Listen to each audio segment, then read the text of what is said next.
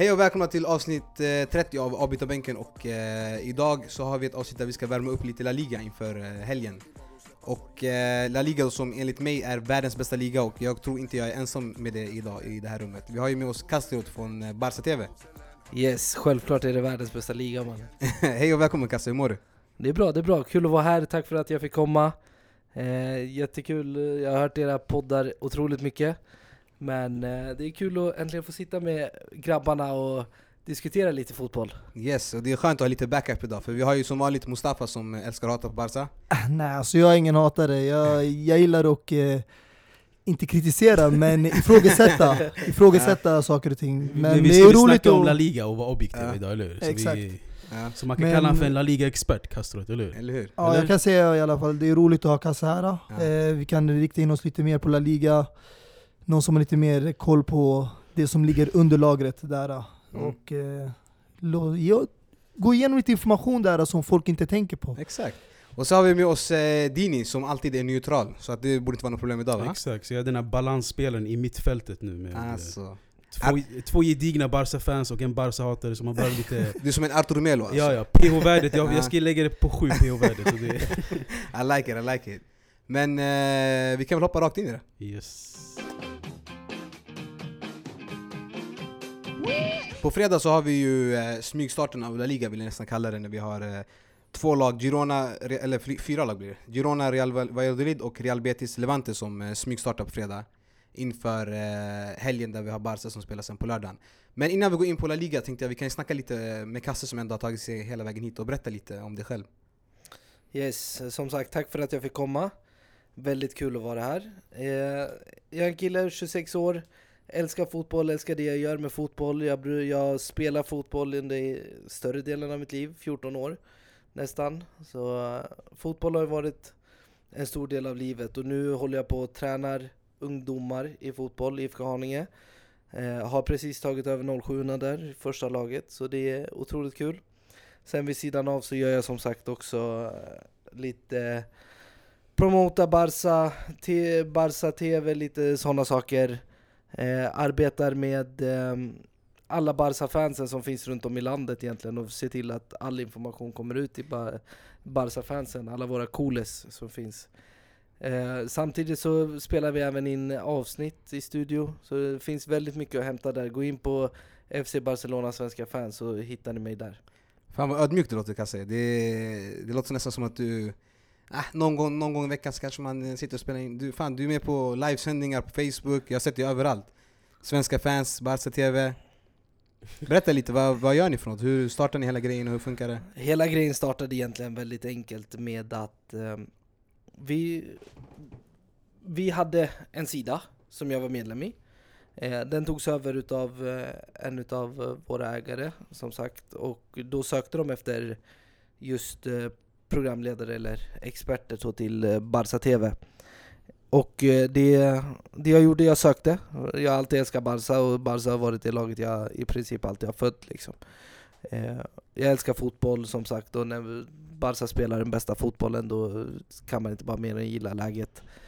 Så det jag gjorde det var, jag sökte till det, fick, fick vara med egentligen i livesändningarna och jag tycker det är otroligt kul att vara med i de livesändningarna för som sagt, fotboll är det, det jag vet och det är därför jag tycker det är kul att vara här för jag vet att ni är exakt likadana.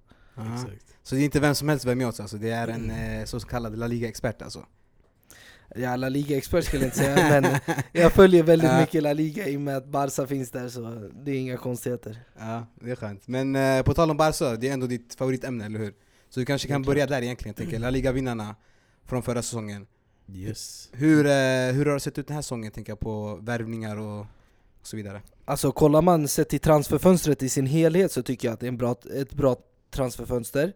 Eh, vi går back 2 miljoner ungefär totalt sett, eh, så vi gör ett väldigt bra fönster där vi verkligen säljer våra spelare som vi vill bli av med samt att vi, vill, eh, vi värvar, in, värvar in spelare till väldigt låga summor kontra hur det har varit tidigare. Vi får in eh, Malcolm till ett väldigt bra pris, jag tror att om Barca hade gått ut efter honom i första läget då hade det nog blivit en eh, 60-70 miljoner de hade krävt. Nu snor vi dem eh, rakt under eh, Romas näsa liksom och Mm. Eh, Jag tycker det är bra värvningar. Arturo kommer tillföra väldigt mycket. Det är en ersättare rakt av egentligen till Paulinho tror jag. eh, Som var väldigt duktig förra året och var, bidrog till en hel del i spelet. Och Arturo Vidal tänker du på då? Ja exakt, Ja. Arturo. För vi har ju två Arturo, en Arturo och en Arturo. Eh, Exakt, Arturo Ja. och Artur. Exakt. Eh, och Artur, som, eh, precis som du nämnde, han är ju nu under försäsongen så var han helt fenomenal. Mm. Jag tyckte han var väldigt bra igår också, var bolltrygg eh, i spanska cup, eh, eller supercupen då. Mm. Och väldigt bolltrygg. Det enda var att han hade lite felpassningar här och var. Nervositet kan man tänka sig. Du kanske kan berätta lite om Artur, han kom ju ändå in eh, för en relativt hög summa från den eh, brasilianska ligan. Mm. Och eh, tog över åttan direkt i Barcelona. Du kanske berätta, kan berätta lite om honom, om du har koll på Ja, Artur är mittfältare, bolltrygg mittfältare som sagt, älskar att spela fotboll. Påminner väldigt mycket utav, i mina ögon, Xavi i sin spelstil då han hela tiden försöker vända upp och hitta den här passningen bakom nästa lagdel helt enkelt och bara försöka skära ner motståndarna yta för yta. Han försöker hitta de här avgörande passningarna men är väldigt smart för att vara 22 år då och eh, gör oftast rätt val utav det jag har sett. Försäsongen helt fenomenal som sagt och i Supercupfinalen igår så var det väldigt lite upp och ner egentligen sett till passningarna. Då han inte riktigt vågade men som sagt i hans första match i en eh, Barca-tröja med nummer åtta på ryggen, det är inte vilket nummer som helst han tar över liksom. Kommer han, kommer han direkt in i startelvan då eller hur långt är han från startelvan? Jag tror faktiskt så som det ser ut just nu så är han väldigt nära, framförallt efter den försäsongen han hade så är han väldigt nära en eh, startelva. Eh, det tror jag nog. Men eh, sen har man ju Sergio Roberto som var fenomenal förra året, dock på högerbackspositionen. Mm. Men han flyttas ju upp till mittfältet nu, så, men eh, Mm. finns mycket konkurrens på mittfältet. Eh, Mustafa, Mm. vi har ju en Arturo Vidal som vi, eh, som Barca snodde rakt ifrån Inter som han nästan alltså basically var kvar för. Klar Ja. för. Vad kan han tillföra till, eh, till La Liga-vinnarna? Alltså jag tror han kommer tillföra stabilitet. Jag tror inte Barcelona har en sån speltyp. Paulinho fanns där tidigare, men eh, jag skulle se Arturo Vidal som en uppgradering på Paulinho. För att han har bra passningar, han eh, är bra i luftrummet, bra box-till-box-spelare och sen är han väldigt bra i försvaret också. Men han kan också spela runt om i mittfältet. Han är inte bara i mitten, han kan gå ut på kanterna. Han gjorde det i Juventus. Eh, I Bayern München spelade han längre fram. Han hade Thiago Alcantara bakom sig. Och här kommer han också, ifall han spelar, han kommer ha Busquets bakom sig. Men jag tror inte han kommer vara en startspelare. Jag tror han har köpts in mer för att vara en truppspelare. Så att de har bredd på truppen. Så det kommer vara intressant att se för att det är en bred trupp. Alltså det är, du har Rafinha, Sergio Roberto, sen har du Artur, Arturo Vidal, Busquets, Rakitic, Coutinho. Det är många mittfältare. Mm. Så det kommer bli intressant att se vilka som verkligen är givna och tar startplats. Men jag tänker på att Vidal är också en sån här liten, eh, vad ska man säga, ful spelare jämfört med eh, de här finlirarna och kvalitetsspelarna som Barca har. Så jag tror de vill ha lite variation och en spelare som kan du vet, hoppa in i gyttjan lite. Eh, dessutom så har man ju en, en hel säsong med Coutinho det här året som blir lite som en... Så det kommer bli spännande att se han hela året. Mm. Kommer med tröja nummer sju, så det är som en liten, litet nyförvärv ändå. Mm.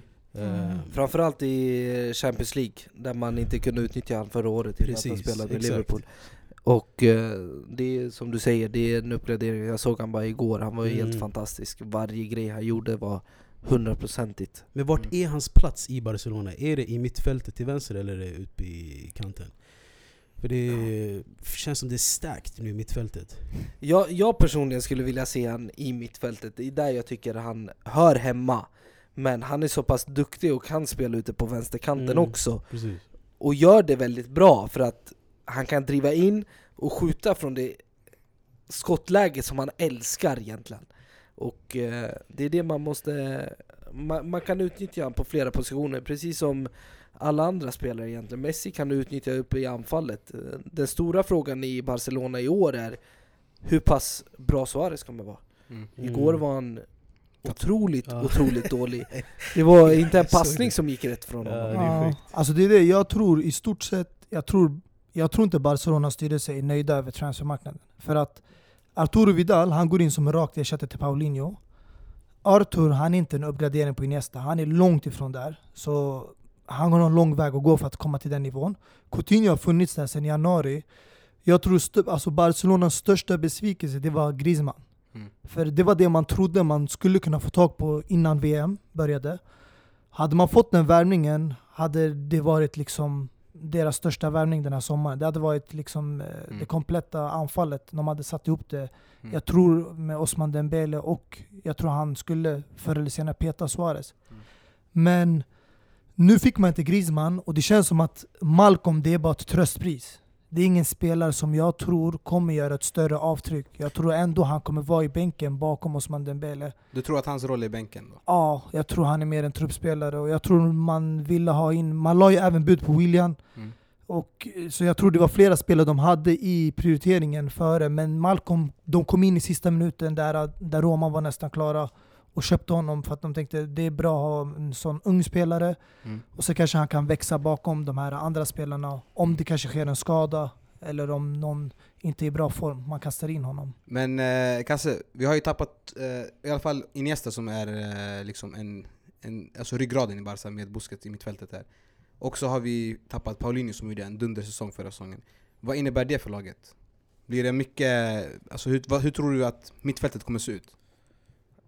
Alltså mittfältet kommer ju vara självklart tunt om man säger så efter Iniesta. Det är, det är inte vilken lirare som helst som lämnar utan det är en utav världens bästa, eller genom tiderna bästa mittfältare by far. Och det är det går inte att ersätta en sån spelare, så enkelt är det. Oavsett vem du hämtar, du kan hämta Coutinho, du kan hämta Hazard, det går inte att ersätta en spelare som Iniesta. Så där självklart kommer det vara ett hål att fylla och eh, det kommer vara ett par stora skor för Artur till exempel att ta, Mm. ta sig an i, i Barca-tröjan. Men eh, jag tror att sett till försäsongen så som den har varit och så som man har sett glimtar utav det gamla Barca. Det Barca som älskade att pressa högt och försöka vinna bollen snabbt och verkligen få tillbaks bollen så snabbt som möjligt för att sen spela sin egna fotboll. Mm. Det, det fanns där under försäsongen och då spelade man ändå med talanger och det känns som att Valverde verkligen börjar satsa på La Masia. Då man märkte att Ding lämnade och istället för att värva in en ny högerback då tar man upp en vänsterback i form av Miranda som ska vara ersättaren till Jordi Alba. Man Mm. tror verkligen på de här unga. Man har Ricky Puig som är en extrem talang på mittfältet. Gjorde en där- otrolig match mot Milan för övrigt alltså. han var ju helt majestätisk Ja. mot Milan och det är också en talang som verkligen har framtiden framför sig bara man har rätt typ av tränare som tror på den personen. Mm. Så det, är, det känns som att det är väldigt mycket som förändras. Mm. Självklart har vi en extremt bred trupp, så det kommer bli svårt för Ricky Puig till exempel att få speltid. Men jag tror att transferfönstret är ju långt ifrån stängt, så det, det kommer ske någon typ av försäljning till tror jag. Mm. Och det man gör just nu det är att man verkligen testar alla mittfältare tror jag för att se vem det är som platsar. Rafinha till exempel hade en blek match igår och blev utbytt i halvtid mot Rakitic direkt. Så det är, det är nu upp till bevis för alla mittfältare egentligen att visa att de hör hemma i Barca-tröjan. Mm. Precis, och det är Valverdes andra säsong. Mm. Hade en, eh, vad var det, 41 obesegrade matcher förra Mm. säsongen. Mm. Hur har hans säsong varit förra året och eh, vad, vad har ni två förväntningar på honom? Alltså, Valverdes säsong kan man definitivt inte klaga på. Han hade ett lag som egentligen inte tillhörde... En trupp som egentligen var, inte var Barca-trupp. En Iniesta som började bli med åren, även fast klassen fortfarande fanns där, så var inte egentligen energin för att kunna spela 90 minuter varje match där. Mm. Så han var ju väldigt ojämn under förra året. Eh, Ja, Sen han har, tappat, tappat en Neymar precis också. tappade Neymar från ingenstans och så värvade man Dembélé Mm. som tyvärr skadade sig och hade ett skadefyllt år. Man hämtade Coutinho efter halvåret som var otrolig i mina ögon. Mm. Men vi kunde inte utnyttja han i de viktigaste matcherna som i Mm. Champions League till exempel. Och eh, det gjorde ju att han hade ju alla förutsättningar mot sig. Han får en värvning så som Paulinho, som egentligen alla hatade på och tyckte att han skulle floppa. Men jag tyckte han gjorde det bästa av situationen. Han spelade en fotboll som var väldigt tråkig och som som sagt inte hör hemma i Barca. Så han har i år på sig att bevisa att han kan spela en fotboll som verkligen ger oss glädje, så som det alltid har varit. Vi har alltid älskat att spela bollen, det ska gå fort och det ska vara mycket klapp-klapp. Mm. Han har i år på sig. Förra året, helt okej, alltså det var en bra säsong. Två titlar under sitt första år är inte lätt Nej, fortfarande. precis. Nej. Och vinna, vinna ligan på det sättet som han gjorde, helt överlägset. Det är ju också någonting som är otroligt svårt. Sen Mm. eh, det största problemet han, han gjorde, det var ju att han inte roterade mot slutet där vid Champions League. Mm. Det måste jag också, det var intressant att se en tränare som ändå spelade någorlunda defensivt med ett Barcelona som inte är känt för att spela defensivt. Så Mm. det var väldigt intressant att se. Det var ju många som skrek efter hans avgång efter Champions League- League-utgången.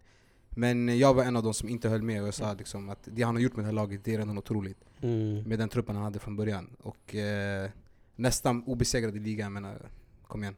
Hur mycket kan man, hur mycket kan man begära egentligen? Alltså det, jag tror grejen är, det handlar inte om eh, att ni åkte ut bara. Det, var- jag tror det var sättet ut, hur ni åkte ut. Mm. Att man tappade en 4-1 Det är klart det ledning. var, det är klart det sved, det är klart det var tråkigt, men att han skulle få sparken för det, nej. Det jag Men samtidigt, jag tror det är jobbigt för Barca-fansen att se rivalerna Real Madrid. Klart. Att ta hem tre Champions. League-titlar i, i rad Mm. och inte kunna möta dem där på vägen och kanske sätta stopp för dem. Mm. För att nu om du kollar på Real Madrid, Mm.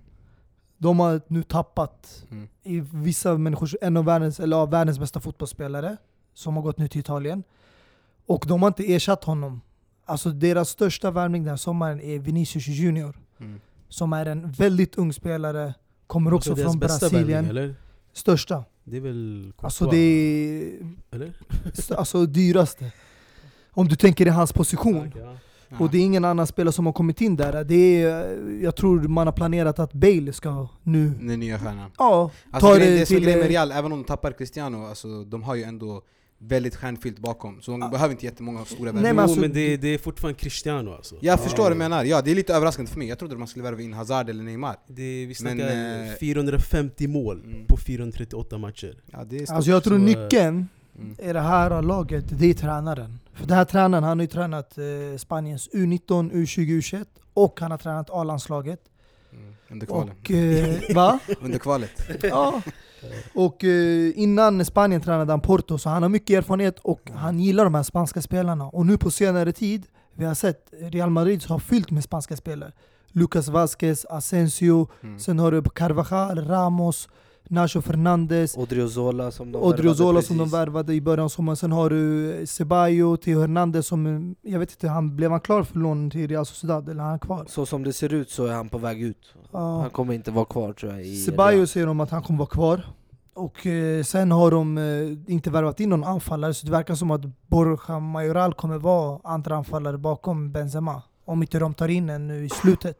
Mm. Men jag Ja, tror det här är alltså- ett perfekt lag för Lopetegui att jobba med. Och jag tror de här värvningarna de har gjort, eh, Odriozola och sen eh, Courtois och Vinicius Junior, det är de värvningar de vill ha. Mm. Och eh, det är på tiden nu att Asensio speciellt, i mina ögon, kommer ta en startplats och börja växa in i den här rollen och bli en viktig spel, alltså pjäs för Real Madrid. För att han är för bra för mig att sitta på bänken. Mm. Om vi ändå går in, och går in på Real Madrid lite då. De har ju eh, som sagt tappat Cristiano. Men eh, Modric, vad tror ni, är han kvar eller går han till Inter innan? Eh, med tanke på att Kovacic gick till eh, Chelsea tänker jag. Den där kommer vara otroligt svår att få bort Modric från Real. Mm. Oavsett om alla dessa rykten säger att han är nära, han är långt borta. Rykten kommer alltid finnas. Vi, vi ser ju egentligen varje transferfönster. De vill ju ha någonting att skriva om. Jag tror inte Modric är på väg bort. Det kan vara ett sätt för han och eller hans agent egentligen att försöka få upp Modric i lön kanske. Mm. Men han kommer ju inte lämna Real och det gör man inte. Om du har en startplats i ett lag som vinner tre Champions League i rad och eh, du är en av världens bästa mittfältare, då går man inte därifrån egentligen. Du är Mm. i ett av världens bästa lag redan och Det, Det kan inte vara inte. nya utmaningar. Jag tänker på att Cristiano har lämnat, Zidane har lämnat. eh, att han vill liksom... Och i åldern han är nu, det är ju nu du ska ta nya utmaningar. För om ett eller två år blir det lite för sent. Så det är kanske är så han tänker också, tänker jag. Om det, om det ligger något i ryktet att Modric ska lämna.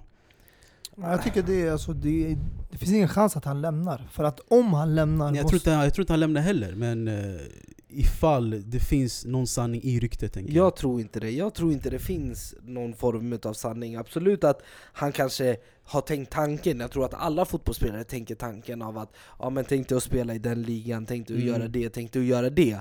Men jag tror inte det finns något aktivt från Modrics sida som gör att ja, men han går och har möten med Florentino Perez just för att ja, men du har diskuterat chansen för, av att jag går till Inter. Det tror jag inte, utan jag tror att det är Perez, varje möte de har haft, då det är Perez som har bokat in Modric och sagt att han vill ha ett möte bara för att egentligen bekräfta att du inte är på väg bort. Precis. Och jag tror att efter, om man kollar efter första mötet de hade, helt plötsligt så går ut Pe- Perez ut och säger enda sättet för Inter att värva han, det är att betala hans utköpsklausul, som är 750 miljarder. Ja. Eller 750 miljoner euro liksom. Mm. Och det, det är, då tror jag det finns en bekräftelse i att Modric har sagt att det finns ingenting där. Mm. Ja, alltså jag tror bara det är en cirkus som har blossat upp, för jag såg en bild på en Perisic la upp en bild på han, Brozovic och Vashalko Sen skrev han någon text att det är en person som saknas här. Det där är Så, bara skitsnack. Ja exakt, det är det jag Alltså, menar. det är samma sak med Osman Dembele. Han la upp en bild med Ah, Aubameyang var- och Lacazette och några från Arsenal, Mkhitaryan Ja, kanske vad det var. Aubameyangs pappa la upp den Och så började det bli rykten om att han ska Men det är det jag menar, så jag tror bara det är en cirkus som, som startade något litet och uh, jag vet inte, all, alla gör det till något stort. Allting, allting, i slutändan när det kommer till eh, egentligen alla tidningar och sånt Det handlar om hur mycket läsare du får in Och Exakt. hur gör du det? Det är genom att skapa intressanta ämnen att prata om Mm. Kollar man egentligen, alltså det här året var för mig en chock att Ronaldo lämnade För att kollar man varje år efter att han har spelat en säsong så har han alltid sagt Vi får se vad som händer, jag Exakt. kanske är på väg bort Och det har alltid varit att det har varit snack om Ronaldo och en flytt Precis. från Real Exakt. Men det har aldrig blivit av Mm. Och sen har han istället fått ett förnyat kontrakt Men då är det Ronaldo aktivt som själv har gått ut och sagt det Modric har aldrig gått ut och sagt det, eller hintat någonting om att jag är på väg bort från Real Mm. Det finns ingenting från Det hans var sida ryktena som sagt. Alltså jag tror som sagt det är större sannolikhet att de kommer få in en mittfältare. För Lopetegui, han sa själv efter de förlorade, eller tappade nu Kovacic till Chelsea, de, han sa att de måste ersätta honom med Så mittfältare länge inte i Thiago minst... går dit bara Ja, det är det alltså det är, han alltså. sa att en mittfältare i minst samma klass, eller Mm. bättre, ska komma in till laget. Och då det enda jag kan tänka mig just nu, för att han gillar också spanska spelare och han har haft Thiago Alcantara i landslaget. Det är en värvning som i mina ögon skulle kunna ske. Och jag tror Mm. Thiago själv skulle vilja spela för den en tränaren. Thiago. Kanske. Eh, Thiago. Det är en spelare som Barca-fans har skrikit efter sen han lämnade på det dumma sättet han lämnade på. Han gick så billigt för att han inte spelade sina matcher och så vidare. Eh, vad är, varför värvar inte Barca in honom? Alltså, om man kollar först det där med att han lämnade på det dumma sättet han gjorde så är det ingenting från, fel från hans sida Nej. Problemet var att man inte utnyttjade honom Det hade räckt med att spela de få matcherna som behövdes för att hans utköpsklausul skulle öka och då hade, jag, då hade nog inte Bayern München köpt honom Men man var dumma nog att låta han sitta på bänken och inte utnyttja de matcherna för att öka hans klausul. Och då gick han så pass billigt som han gjorde. Mm. och anledningen till varför jag tror, eller anledningen till varför egentligen sådana här spelare inte värvas i den mängd som finns, det är för att vi har en jag vet inte om han är sportchef eller vad han nu än är, men en man vid Pep Segura som sitter i styrelsen som älskar spelare som Arturo Vidal, Paulinho, det är han som hämtar alla de här, André Gomes, han hämtar alla de här stora spelarna för att han, han tror inte på en teknisk fotbollsvärld utan det är en fysisk i hans tankar. Utav vad jag har läst och liksom Mm. vad man har sett på alla Barca-forum och så. Och, eller Barca-sidor. Och det är där det största problemet ligger och kollar man egentligen förra årets värvningar och året innan det Mm. kontra det här årets värvningar när Abidal kom till stolen Mm. då märker man en stor skillnad ändå i den typen av värvningar som görs. Abidal som blev sportchef då alltså. Ja, Abidal tog ju sportchefsrollen och eh, han är ju den som är egentligen förste man eh, till eh, nya värvningar och så. Mm. Men Pep Segura har en väldigt stor betydelse för han är väldigt nära Bartomeu Mm. och det är ett stort problem. Det är, oavsett vilket Barca-fan du pratar med, Mm. det är ett stort problem just utav den anledningen att han, han förstör Barcas identitet. Precis. Så folk skriker efter hans avgång. Man vill hellre ha Bartomeu kvar, Mm. bara han försvinner och man kan ha en, en sportchef som verkligen tror på de här bra fotbollsspelarna oavsett om du är stor eller liten. Mm. Nej, alltså jag håller med. Men samtidigt, jag tror det är nyckeln till till exempel Real Madrids framgångsrika år de senaste åren. Det har varit att de har en blandning av tekniska spelare som Modric, Toni Kroos, Isco. Men samtidigt fysiska spelare som Casemiro, Bale, Benzema, Ronaldo. Och jag tror det är där äh, det ligger att Barca har saknat det där fysiska. Mm. De har en Suarez som kan brottas i straffområdet men de har inte så mycket förutom då försvararna, mittbackarna. Men eh, ja, man måste ha det både i den offensiva delen och defensiva för du möter olika typer av lag. Bortsett från den inhemska ligan, du kommer möta på fysiska lag i Champions League. Och du måste kunna ha en annan typ av spelstil eller kunna utmana på ett annat Det sätt. beror på hur du spelar skulle jag säga. Alltså när vi var som hetast under våran period, det var ingen, vi hade inga fysiska spelare. Vi hade, alla, alla spelare var 1,70 Barcelona. som längst alltså. Men det var en Ja. annan era. Nu folk, alltså de har blivit mer, lag vågar spela mer framåt. Folk vågar mer sätta press för att Mm. de letar efter de här misstagen. Du kollar nu på i Premier League, alltså till exempel Tottenham, Liverpool, Arsenal. Alla försöker spela press och sätta City, alla kör, försöker köra högt upp. Mm. Det var inte så förut. Nu det finns de här blandningarna. Många börjar spela trebackslinje där du fyller med spelare i mitten och kanterna. Så då alla mittfältare hamnar i mitten. Nu till exempel, jag kollar på Atletico Madrid. Mm. Det är ett lag för mig som har den perfekta kombinationen. För mig, jag tycker att de har lyckats bäst i den här transfermarknaden av de här topp tre klubbarna om man ska säga så i La Liga. För de har fått in Diego Costa i januari. De lyckades behålla Griezmann, den viktigaste spelaren nog, och förlänga kontraktet. Och har lagt på spelare som Gelson Martins, Thomas Lemar. Sen har de värvat Rodri från Villarreal och eh, ersatt eh, Versarco som gick nu till Inter Mm. med Santiago Arias från PSV. Så de har fyllt på där de behöver. Och det var även mycket rykten om att Jan Oblak skulle lämna, men han blir kvar. Och enligt mig, han är en världsklassmålvakt. Topp fem i världen. Mm. Så det här är ett lag som jag tycker alla i La Liga ska se upp för nästa år. Sen hämtar de nu också, nyligen blev det klart, Kalinic. Han kommer vara backup-anfallare till eh, Alltså, eh, Costa då, från Milan. om man kollar det där du sa med att man behöver lite fysiska spelare med eh, blanda med tekniska så måste man även kolla sett till vilket typ av spel man spelar. Det är Real spelar ett spel som är väldigt rakt. Det går inte att jämföra Reals spel med våra typer av spel. Real vill att det ska gå fort till just anfallslägena och det ska gå fort till just målchanserna. De ska skapas relativt fort. Och då kan det vara allt ifrån tidiga inlägg, det kan vara från tidiga djupledspassningar och hela, hela den rubb och stubb egentligen. Men kollar man Barsas så är det väldigt mycket trycka ner motståndarna genom att rulla runt bollen. Sen självklart, finns det möjlighet så går man och gör omställningarna. Men det är väldigt sällan Barca-spelare, eller Barca som lag har möjlighet till det för att lag väljer att backa bak så pass långt ner. Vi märkte bara Sevilla igår, fembackslinje och så försvarar de på sin halva halva. Och det är ändå Sevilla. Första tio minuterna då var de fantastiska med att sätta pressen. Men efter det så bara, de gjorde 1-0 och så föll de tillbaks. Och jag tror att det blev deras största fall. Det var att man inte fortsatte sätta pressen. Det är skillnaden mellan lagen som Real möter och lagen som Barca möter. Sen självklart, i de, i de fallen där det låser sig och det inte går att spela runt bollen, då är det bra att ha spelare som Ronaldo, Benzema, för att de är inne i boxen och de kan göra det spelare i Barcelona inte gör. Och det är vara, vara ett hot i luftduellerna.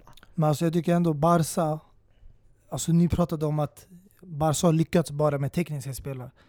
Men där pratar vi om en era där det var Guardiola som var tränare. Valverdes spel är helt annorlunda. Och det är därför i mina ögon, jag tycker Valverdes spel kräver mer fysiska spelare. Och det är därför jag tror man har gjort värvningar nu genom åren som Paulinho, Arturo Vidal. Och man väljer ändå att behålla Suarez. Man vill inte kanske ha en liten David Villa. För att i mina ögon, jag tror det där passar mer Valverde. Han vill ha lite mer fysiska spelare. Mm. Och eh, han gillar inte nog det att det är bara små korta tekniska spelare i mittfältet. Det ska finnas en liten blandning. För att hans spel, som ni själv nämnde tidigare, det är lite mer defensivt. Det är inte samma offensiva som man hade under Guardiolas tid. Och jag tror att där, där, där var det ett perfekt exempel till varför Arturo kom till laget. Paulinho lämnade, vi tjänade 10 miljoner på honom. Och Arturo kom in för en summa utav 18 miljoner, vilket jag tycker är en sjukt bra värvning. För en spelare utav kaliber, den kaliber man får utav spelare. Det är en spelare som verkligen är i sin prime egentligen. Han har ju inte gått ner sig. Men att få han för 18 miljoner är faktiskt ett kap. Det, det tycker jag. Han har spelat på toppnivå nu i flera år och varit startspelare. Och eh, jag tror att det är definitivt ett bra köp och en typisk Valverde-värvning. Det känns som vi naturligt hela tiden hamnar i Barcelona. Eh, Men jag tänker eh, om vi dyker lite mer i de här Madrid-lagen, speciellt Real Madrid. Alltså, Mm. Som sagt, det är ett Real utan Cristiano. Första gången på nio år. Och eh, jag vet inte, hur, hur tror ni Real kommer klara sig utan den här målmaskinen? För grejen är, jag tror inte på en, eh, på en tydlig eh, ersättare till Cristiano. För det första så finns det ingen i Cristianos kaliber. Men jag tror att eh, den här nya tränaren måste hitta ett sätt, ett nytt sätt för Real Madrid att spela och spotta in mål. För målen måste komma från någonstans. Antingen om det är en Asensio som en falsk nia, eller om att det är eh, Benzema en ny roll. Så jag vet inte, så målen måste komma någonstans. Och jag tror det kommer, eh, Mm. det kommer vara ett helt nytt Men det är det många pratar om, just Cristiano. Men ingen nämner Zidane. Alltså Zidane för mig, det är en stor förlust. För första året när han vann, eller ja, halvåret när han tog över vann Champions League, många sa att det var ett turår. Det är sånt som kan hända när man tar över. Spelarna reagerar på att en tränare får sparken och förändringar sker snabbt. Men sen gjorde han det två säsonger om, där första året han vann ligan också. Och nu andra året vann han tredje Champions League i rad. Jo, men Och det är det jag alltså- tror kommer vara nyckeln. Att den här nya tränaren, han kommer spela ett mer lag som där är sammansatt, där de alla kommer kunna göra mål. De kommer dela på målskyttet. Hade det varit Zidane som är kvar, utan Ronaldo, tror jag det hade varit ett stort problem. För Zidane gillade verkligen Ronaldo. Han visste hur han skulle utnyttja Ronaldo. Han visste vilka matcher han bänkade honom, vilade honom och han satte in honom i rätt matcher där han bara pangade in mål. Ah, Champions League alltså, eller? Champions League-ligan överallt, men jag säger bara att Halvåret jag tror han kommer, jag tror vi kommer få se mer mål som han nämnde Asensio, Ja. jag tror Isco kommer få en mycket större roll i det här Jo laget. exakt, det är, det är sådär de måste göra. Men jag tänker Ronaldo levererade även innan Zidane kom. Han har, alltså den killen, vi snackar 40 mål per säsong, alltså rent eh, generellt. Eh, men hur spelade, alltså, hur, hur spelade Lopetegui, vad heter det? Jag kommer inte ihåg vad han heter. ja, du vet, alla säger nya tränare bara. Folk, Lopetegui. folk undviker Lopetegui. hur spelade han med, eh, med spanska landslaget?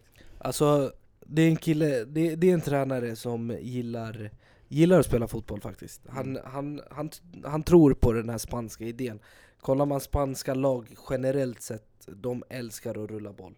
Det märker man i lag som Granada, som spelar otrolig fotboll till och från. Eibar framförallt, de älskar att rulla bollen. Så det finns mång, många lag i Spanien som eh, tror på den idén. Och eh, han är en sån typ av tränare och har alltid varit, man märkte det i Porto, där försökte han spela väldigt mycket bara. När han eh, tog dem till Champions League och lite dylika saker. Men jag tror att han kommer kretsa spelet kring Bale.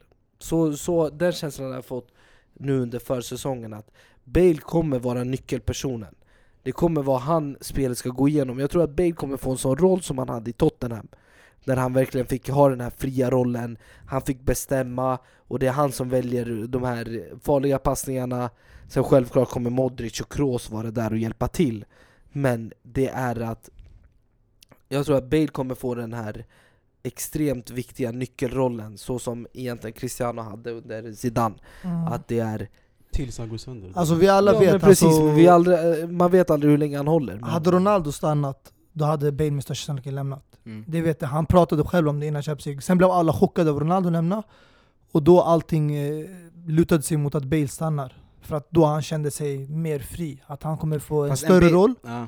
Och han har alltså den potentialen att växa Jo, in i den rollen. Men en Bale som ofta har skadeproblem, hur mycket kan man lita på att bygga sitt lag runt honom tänker jag? Ja men är, om du kollar nu innan slutet av säsongen, han kom tillbaka från eh, skadan och han gjorde en Mm. stark insats. Speciellt i Champions League-finalen som var den viktigaste matchen i deras säsong. Mm. Så han avslutade bra. Alltså jag menar det är ingen om- tvekan på att han är dålig. är Nej nej nej, men jag tar en titt nu på till exempel försäsongen. Han har ju varit med från början med tanke på att han var inte med i VM. Så han har verkligen kommit igång i det här laget och eh, jag tror han jag skulle inte bli förvånad om han får en central position som han hade i Tottenham. Eller eh, alltså de kör utan Benzema.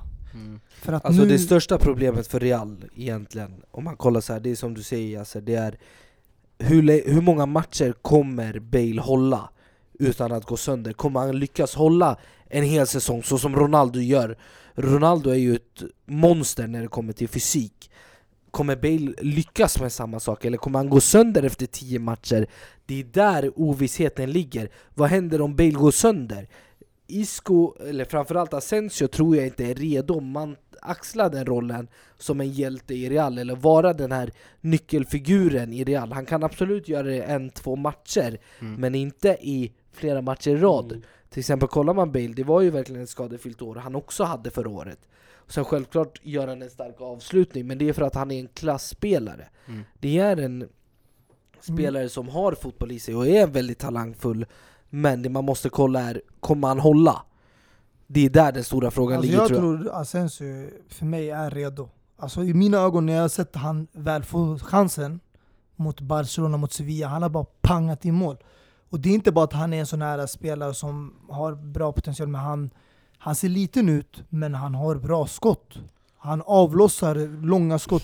Han har den här likheten med Bale, han är vänsterfotad, Mm. snabb, teknisk. Och jag tror om han får chansen från start, jag tror han kommer ta den på direkten. Han kommer inte vara den här Det som vi- man blir besviken på. Det viktiga är att vi får inte stirra oss blint på alla de målen han har gjort. Absolut, det har varit klassmål och det jag kan...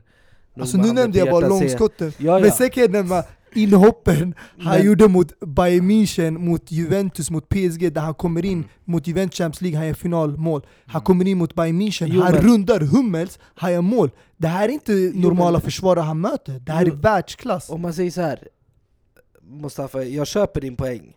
Men kollar man mot bottenlagen, då var inte det Asensio som gjorde... Men alltså om du kollar när när det var spelar, låga försvar, när det var låga försvar, när det var ett försvar som, eller ett lag som försvarade lågt och såg till att, och såg till att man stängde ytorna för just spelare som Asensio och Isco, då var det inte han. Då, och då, det är där jag tror att det är där jag tror att problemet kommer ligga. Att absolut, han kan göra det i en, två matcher, men inte över hela säsongen. Mm. alltså jag, jag tror starkt på honom och jag, jag hoppas få se mycket mer av honom. Mm. Och jag tror hade han spelat i ett lag som kanske Atletico Madrid, Barcelona, Mm. Jag tror han hade fått mycket mer speltid, för Real har varit lite så här äh, stjärnspelare, Ja. Galacticos. Men nu har de tappat Ronaldo och de har inte ersatt honom med vad alla trodde skulle bli en Neymar, Mbappé eller Hazard. Mm. Så jag tror det här är verkligen deras år när speciellt spanjorerna får Mm. växa fram i Real Madrid. Yes, men eh, Real Madrid har ju hamnat i en situation nu där de har fyra målvakter i truppen. De har ju en Courtois, de har en Lucas Zidane, en Kiko Casilla och sist men inte minst den trippla Champions League-vinnaren Keylor, Keylor Navas. Hur ser situationen med målvakter ut i Real Madrid? Vem är etta? Vem är tvåa? Alltså om man kollar eh, till förra säsongen och senaste åren, då kommer det vara Keylor Navas. Men jag tror vi kommer få se en eh, ny blandning som vi såg tidigare kanske med eh, det var Casillas och eh, vem var det där? Diego Lopez. Mm. När en fick starta i ligan och en Champions League. Likadant som eh, Barcelona gjorde med Claudio Bravo och Ter Stegen. Alltså Keylor Navas är en av världens mest underskattade målvakter och eh, jag tror inte många Real Madrid-fans skulle vilja se honom på bänken för han har gjort det riktigt bra. Men samtidigt har jag svårt att se att man värvar in en Courtois som har vunnit eh, världens bästa målvakt, eller ja, nu i VM blev han bästa målvakten och har blivit... Guldhandsken. Exakt. Långt från världens bästa målvakt va? Nej, alltså det är ju för mig bästa. Och sen har han även vunnit guldhandsken i La Liga när han vann eh, ligan med Atletico Madrid och Mm. i Chelsea Premier League och i Champions League när Mm. Atletico Madrid kom till finalen och förlorade mot Real Madrid. Så han har ju bevisat sig på stora scenen överallt och kommer tillbaka nu till Spanien och staden Madrid där han känner sig hemma sedan tidigare. Mm. Och får, nära, får vara nära familjen nu så det ska bli intressant att se i alla fall. Men jag tror att han kommer vara mellan stolparna där i målet. Frågan är bara om det är ligan eller om det är Champions League eller både och. Ja, det är ju ändå en eh, trippel Champions League-vinnare Kasse och eh, en målvakt som har gjort sitt jobb. Och han är bara 31 år gammal, tänker jag. Det är ändå inte som, han är, han är ganska ung i målvaktsålder, om vi säger så. Vad tror du? Vem är första målvakt, vem är andra målvakt?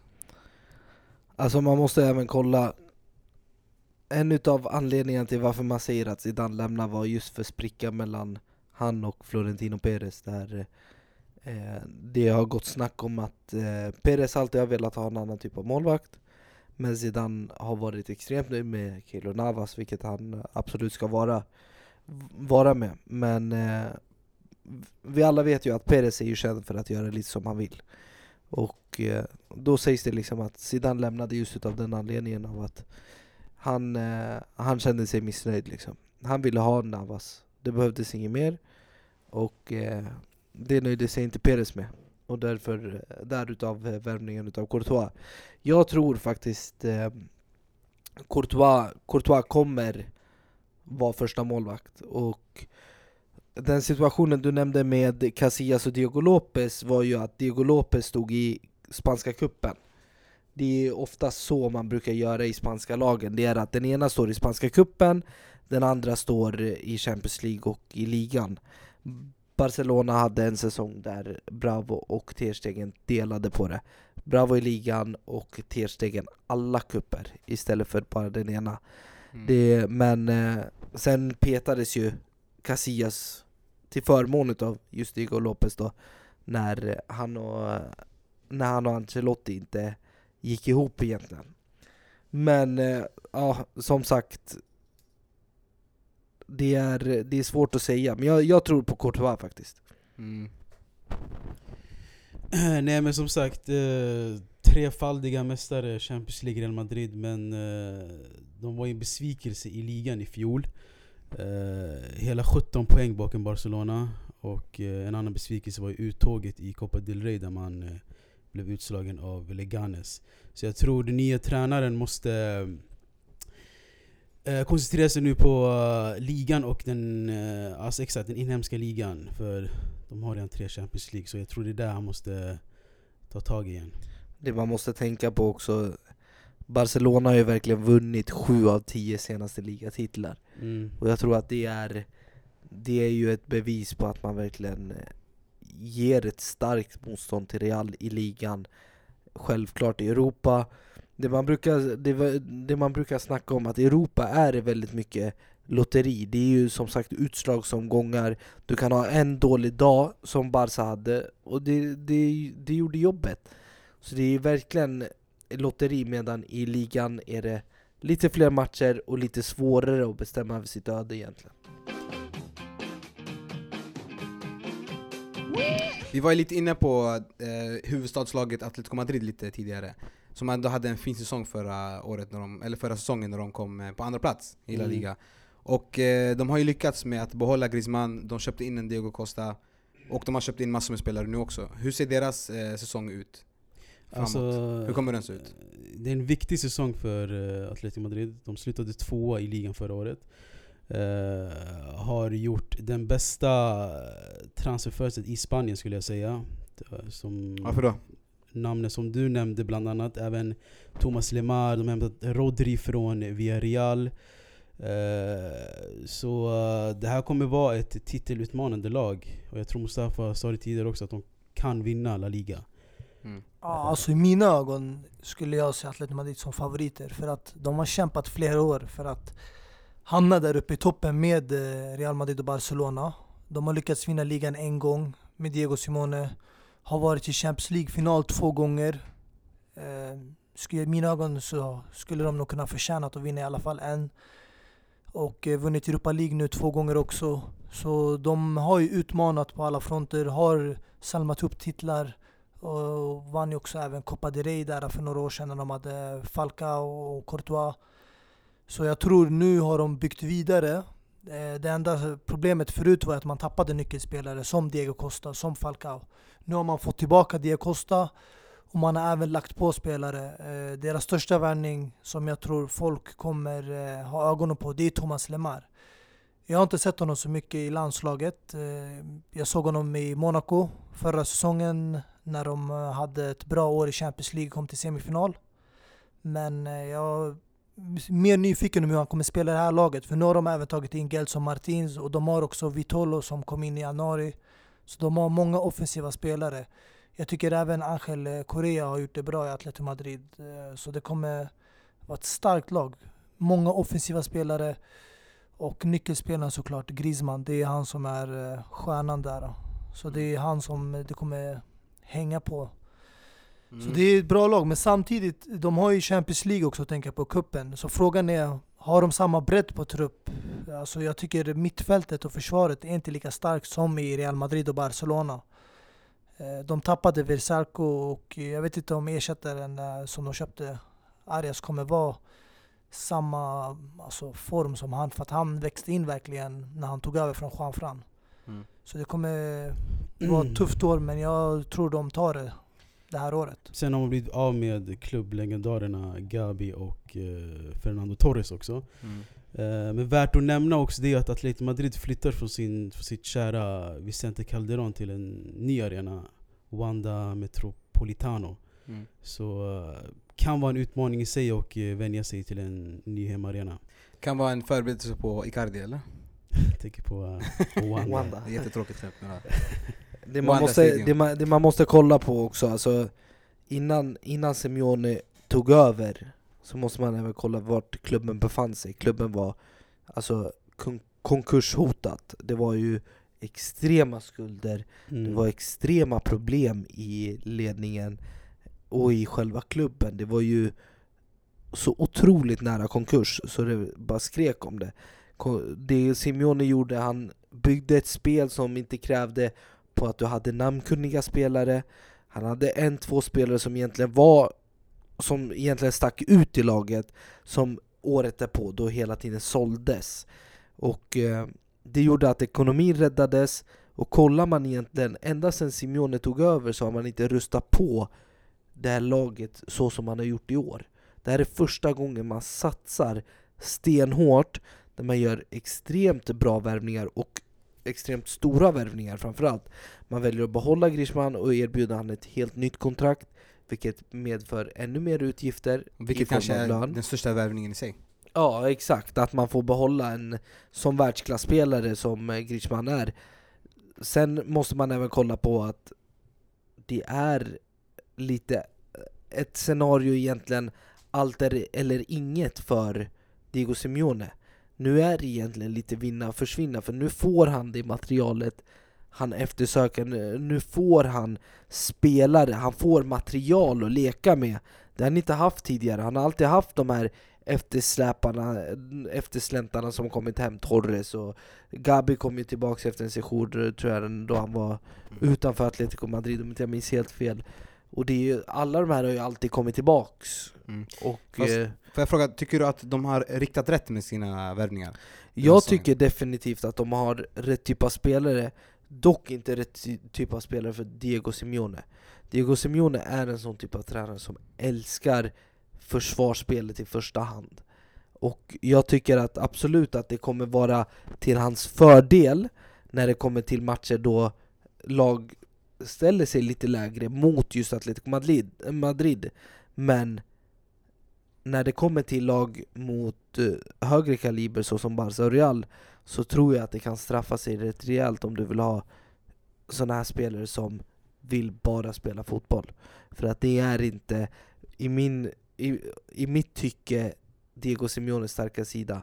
Diego Simeone har alltid varit bäst på att ha sina gubbar på rätt position, rätt plats, vid rätt tillfälle, se till att försvara stenhårt och hjälpa varandra i alla lägen. Sen har det varit extremt tufft och fult i vissa lägen, men det är en del utav Simeone. Mm.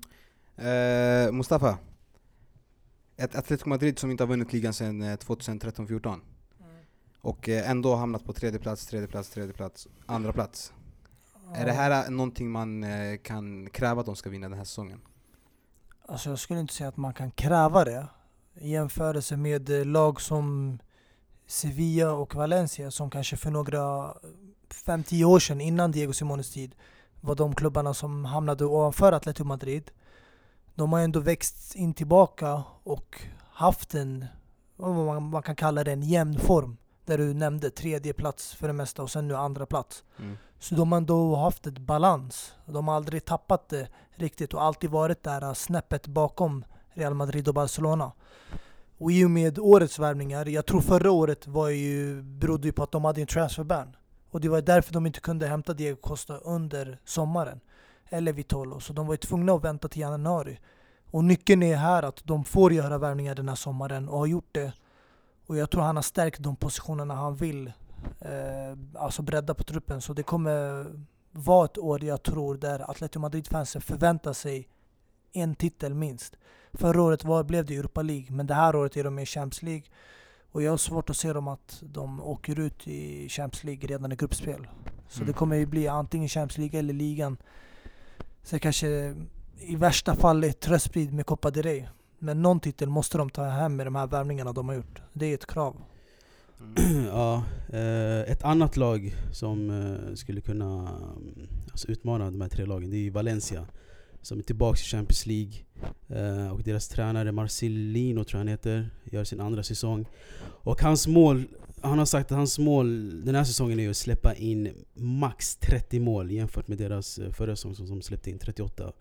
Bara Barca och Atletico Madrid hade mindre. Eh, så de behöll Kondogbia som var deras MVP. Eh, har adderat eh, Daniel Vass från Celta Vigo som stod för 9 assist. Och ja, Batshuayi på lån. Mm. Som Batshuayi själv påstår att det är en match made in heaven.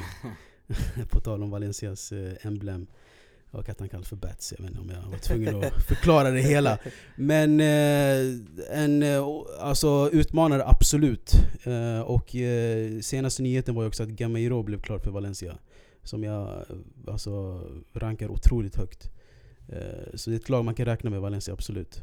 Men det enda jag ifrågasätter med det är om de har alltså, bred trupp nog. För nu är det ju Champions League också, och det är ligan också de ska koncentrera sig på. Så det, det blir intressant att se. Mm. Det man, måste, det man måste kolla också, Valencia har också kommit från en tuff period. Det är egentligen nu, de här två, tre senaste åren det har vänt. Känns som nästan alla lagen i La Liga är konkursbelagda liksom men Det har ju varit extrema problem just med ekonomin i de lagen och även topplagen framförallt. Men eh, jag tror att Valencia är ett lag som kan sticka upp men jag tror inte det kommer räcka hela vägen. Nej. det kommer verkligen vara att eh, det kommer nog bli en fjärde plats för Valencia igen Vilket är otroligt bra för de får extremt mycket, mycket tillfört till ekonomin på det sättet att de kanske lyckas behålla spelare.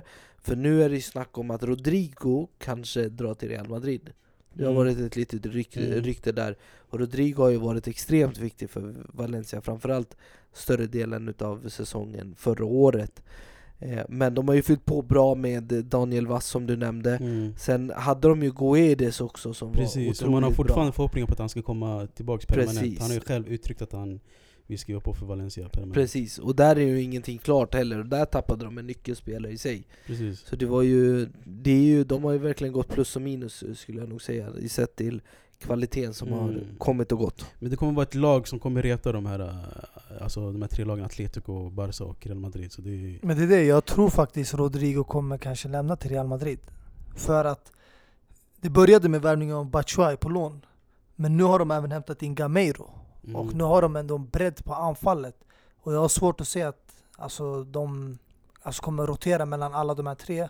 Det känns som att de har förberett sig på att Rodrigo kanske lämnar. Och Bale, det kom ut rykten om att Bale ville att Real Madrid skulle stärka lite på anfallet, bredd, för att man ska kunna ge en bra backup till Benzema så att inte allting hänger på hans axlar. Att han ska tillföra målen nu när Cristiano är borta. Precis. Så jag tror eh, Rodrigo är en spansk spelare också som har blivit eh, tränad, coachad av eh, Real Madrids nyblivande tränare. Så det skulle vara ett... Exakt, och det var tydligt att han trodde på honom i VM också, där han gav han nummer nian och eh, verkligen eh, trodde på honom som en anfallare. Så Men även Sevilla tycker jag, så jag vet inte, ska man räkna bort Sevilla från topp 4 helt? Alltså de har ändå gjort eh, bra värvningar.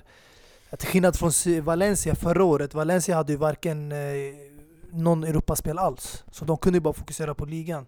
Mm. Så, men Sevilla hade ju Champions League och vilka är ligan. det Sevilla som har värvat som du säger att de har gjort bra värvningar? De har, Alltså de de har ju fått tillbaka hämtat... Vidal och förlorat Lenglet, eller hur? Och sen eh, har de hämtat... eh, Alltså de har hämtat Ibrahim Amadou från Lille Som troligtvis kommer bli ersättaren till Nzonzi Vidal Som från- verkar Vidal eh, från Barca. lämna Vidal Ja, från Barca, högerytter. Ja. De har lyckats behålla Luis Muriel och eh, André Silva har hämtat in från Milan.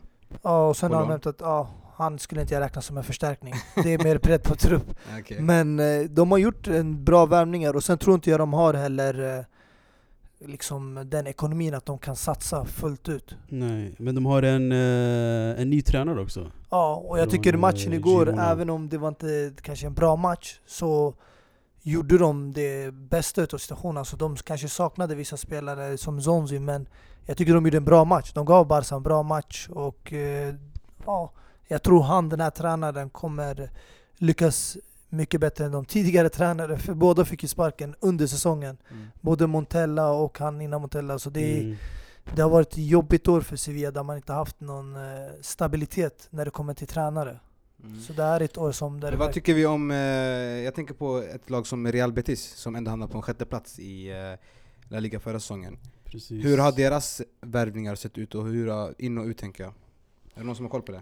Alltså Betis var helt fantastiska förra året måste jag ändå säga. Det, det var ett lag som ingen räknade med i toppen, nummer ett. Eh, nummer två, ett lag som spelade otroligt bra fotboll. Det är någonting jag inte sett Betis göra på många, många år. De har ju verkligen anammat den spanska kulturen på ett bra sätt. För att det har varit ett lag som har haft sina upp och nedgångar, de har varit i sekunda några gånger och några vänder och det har ju tagit på dem men förra året hade de ett extremt bra lag sett till den ekonomin de har egentligen. Mm. De hade den här Fabian Ruiz som lämnade nu för Napoli. De har haft en hel del otroliga spelare som har gjort det bra. Men det, det som chockade mig mest det var att de spelade sig ur i stort sett varenda situation. Jag minns bara matcherna mot Barca hur svårt vi hade att liksom bara plocka bollen utav dem. Det gick inte att sätta press. Och självklart var inte våran press den bästa men det var ju otroligt svårt att göra någonting mot Betis. Men eh, jag tror att i år kommer det vara betydligt mycket tuffare för Real Betis. Exakt, och deras tränare Setin som eh, tog dem på en chockerande sjätteplats i ligan sa det själv att de har gjort något som de tror skulle ta tre år att kvala sig till Europa. Eh, och du nämnde ju att de tappade Fabian Ruiz till Napoli, men de har ju ersatt med en annan spelare som jag tror själv skulle hamna i de här toppklubbarna i England speciellt, och det är William Carvalho. Eh, så, För ett billigt pris också kan man tillägga. Ja, exakt. Så det, och sen också kan jag tillägga att Bartra kom ju i januari. Eh, Så att ha honom i en hel säsong är ju som, en, som ett nytt förvärv också. Faktiskt. Eh, Sen en annan spelare som jag tänker på som de faktiskt finns gratis också, det är ju eh, Sergio Canales, kommer ni ihåg honom? Exakt, den eviga talangen. Real Madrid-spelaren. Precis. Eh, Han hade ju en session nu i Sociedad om jag minns helt fel. Där han, Och eh, innan dess Valencia. Exakt, och han lyckades ju aldrig riktigt. Jag tror att pressen blev för stor i Real Madrid men även när han gick till Valencia och eh, Sociedad så har han inte riktigt tagit det klivet. Så en första, alltså, det känns som att William Carvalho, Canales och sånt det är allt för att försöka alltså, täcka förlusten utav Fabian Ruiz. För Fabian Ruiz var en extremt stor, stor spelare i just Betis-klubben Mm. och det var han det mesta gick igenom. Precis. Men de har ju inte hämtat någon för att ersätta han riktigt och där tror jag de kommer fallera väldigt mycket på att Mm. de hade en spelare där spelet gick igenom honom Han styrde och ställde, var otrolig i försvarsspelet också Men han har inte ersatts Då blir det väldigt svårt att spela den fotbollen de spelade Precis, och eh, de förlorade ju Antonio Adan, deras målvakt, till Atletico Madrid tror jag. Eh, och eh, har ersatt med två bra målvakter faktiskt. Ena är Joel Robles som eh, eh, har en session i Everton. Så det är ju ett lag som vet vad de gör ändå tänker jag, men eh, jag har svårt att tro att de ska ta en, en eh, alltså komma över en sjätte plats i ligan det här året. Vi får se. Mm. Ja, det är ju några av topplagen i eh, La Liga tänker jag. Men sen tänker jag på, vi hade ju en säsong där eh, ett par lag åkte ut också från La Liga, om ni minns. Vi Mm. hade ju, eh, vilka var det nu försöker jag tänka här? Deportivo Deportivo, Las Palmas och, vilka var det sista laget? Malaga. Det var de jag tänkte på. Malaga, det var ändå en överraskning för många att de åkte ut från La Liga. Hur ser det ut där? Är det spelare man har plockat därifrån som man kunde plocka eller har man lämnat det laget i fred? Nej, jag, jag tror man har lämnat de lagen i fred för att eh, jag tror att de skulle kräva lite för mycket, även fast de har åkt ner. Eh, så har det ju blivit en tendens nu att man kräver en del pengar och eh, sen fanns det inte så jättemycket att plocka från de lagen tyvärr. Nej, alltså det, det, Det det, var är ju- inte som ett Stoke som går ner där man kan hämta upp en Nej, Shaqiri men jag eller, tänker Ja, Malaga ändå ganska... Ibrahim Afellay eller... Han har ändå haft ganska många bra talanger genom åren. Jag tänker bland annat på en Isco som man plockade därifrån. Som jag... Oh, Men eh, sen, sen Isco lämnade så har det varit väldigt eh, tafatt i Malaga och det har man ju märkt på deras spel där de Precis. egentligen bara spelar väldigt fult för att försöka vinna matcherna. mm. Och en extremt tråkig fotboll har det varit eh, just av den anledningen att ingen rullar boll, det har inte varit någon spelidé och då är det svårt att plocka fram de här spelarna för att laget lyckas inte. Mm. När Isco var där då var det ändå ett bra Malaga man fick se, man fick se eh, bra fotboll till och från liksom. Men nu har det varit, de här senaste åren har det varit väldigt tafatt och det har varit extremt dålig fotboll. Så eh, ja, jag tror inte det finns någonting mer att hämta där utan Nej.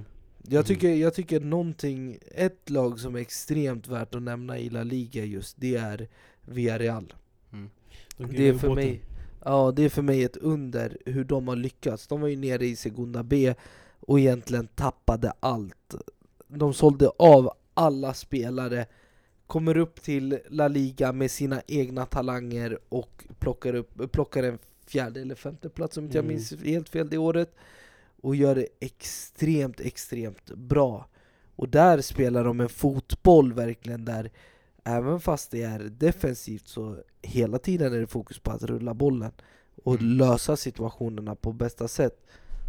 Sen är det i sista hand att rensa bollen och det händer till och från. Liksom. Precis, de har hämtat in en eh, Moreno från Espanyol och en eh, Ekambi från Ligue 1 som gjorde ändå 17 mål i den ligan. Mm. Eh, så de eh, vet vad de gör. Och publikfavoriten Santi Cazorla. Som, det. eh, en fin presentation fick man se av eh, honom. trollade fram där va? Ja, magiskt. kan lägga upp det sen, visa det. Det var en eh, intressant, rolig grej faktiskt. Ja. Man har inte sett spelare presenteras på det där sättet tidigare. Nej faktiskt, det var roligt. Det var faktiskt väldigt kul. Men eh, ett lag som jag tänker på också, Deportivo La Coruña som åkte ut. Med eh, Cedorf som tränare de hade då den säsongen. Hur eh, ser det ut för dem?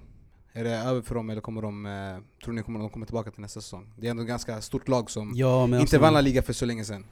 Precis, Deportivo är ett klassiskt lag i Spanien men alltså vi har även sett tidigare exempel på klassiska lag som åker ner i, i andra ligor, typ England, där Sunderland nu huserar i League One. Mm. Eh, så det, alltså det är otroligt tufft i de här eh, lägre divisionerna att eh, komma upp och hålla sig kvar. För det är så stor utmaning och alla vill gå upp. Så det är, Vi får se om Deportivo La Coruña kommer tillbaka.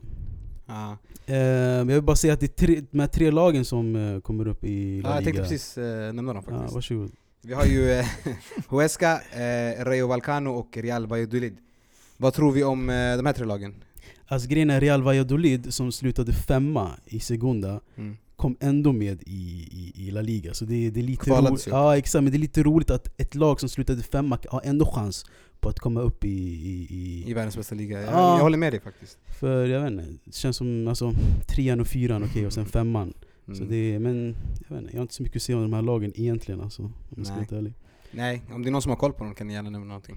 Alltså jag hade... Valladolid, det enda jag tänker på det är Heno Goitom, att han spelade där för ett par år sedan. Ah, nej, alltså jag tror, eh, jag vet inte, vilken sa du? Real Valladolid, eh, Huesca och... eh, Och Huesca som gör Rayo sitt, eh, sitt första år i La Liga Precis, nykomlingarna i La Liga. Mm. Mm, alltså jag tror Real Valladolid, de har ju erfarenhet för La Liga. Och de verkar ha förberett sig också, de har gjort lite värvningar. Så jag tror de kommer stanna kvar. Jag tror de klarar sig. Huesca känner jag inte till faktiskt. Jag har bara sett eh, en hel del matcher där när man kanske har kollat lite andra divisionen av andra skäl. Men eh, däremot eh, spelmässigt, alltså jag vet ju att eh, jag såg att de dominerade ganska, alltså större del av säsongen i den där divisionen. Så de kanske gör en bra insats eh, med tanke på att de har behållit många spel. Men Mm. Annars, jag tror det är Real Valladolid som är favoriter att stanna av de här tre lagen som har kommit upp. Jag tror sanning alla tre åker ut. Jag tror det. Mm. Starkt. In and out. Man kan se. Jag, jag tror faktiskt Huesca kan vara ett lag och, som kan chocka och stanna kvar ändå.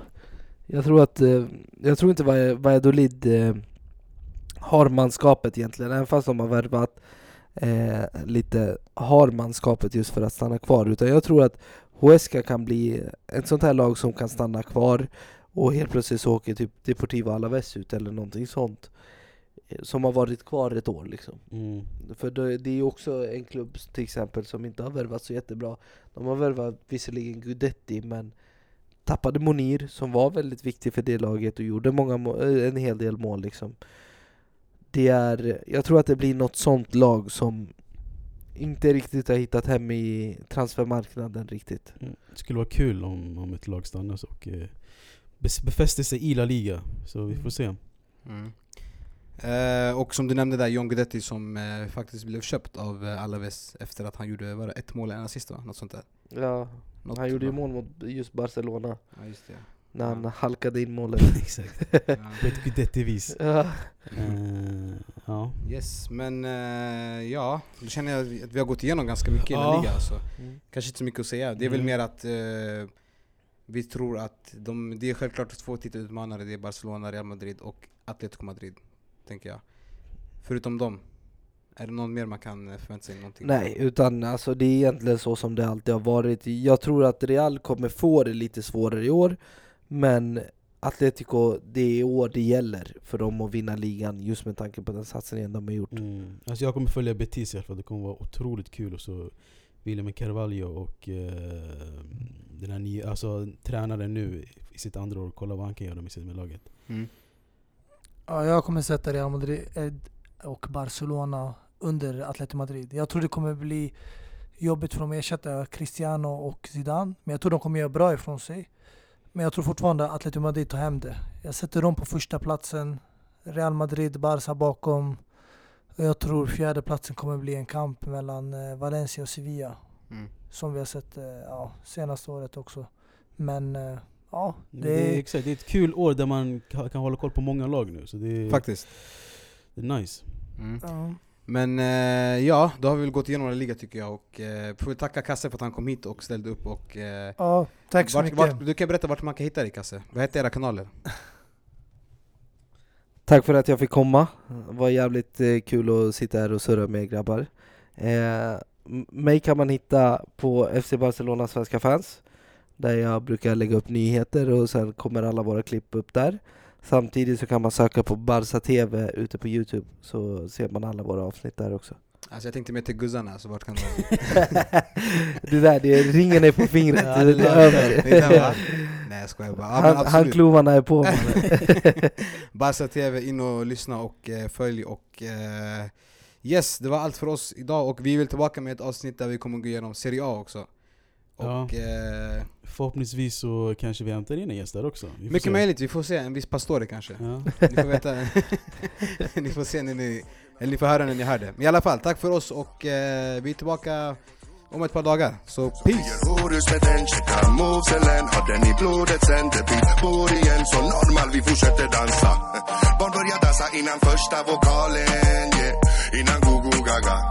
Och vi fortsätter tills Aina tar över haket, yeah. Tills nissarna gör razzia.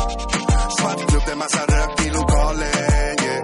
Fine grades alla Alla dricker som Valhalla, mjöd i glasen, yeah. Plus rom och vodka, uh. Trumman är farligt galet, kombinationer av toner som gör det magiskt. Inte misslyckat uppdrag, men vi rör oss tillbaks. Basen La bababa, karnevalen tar över stan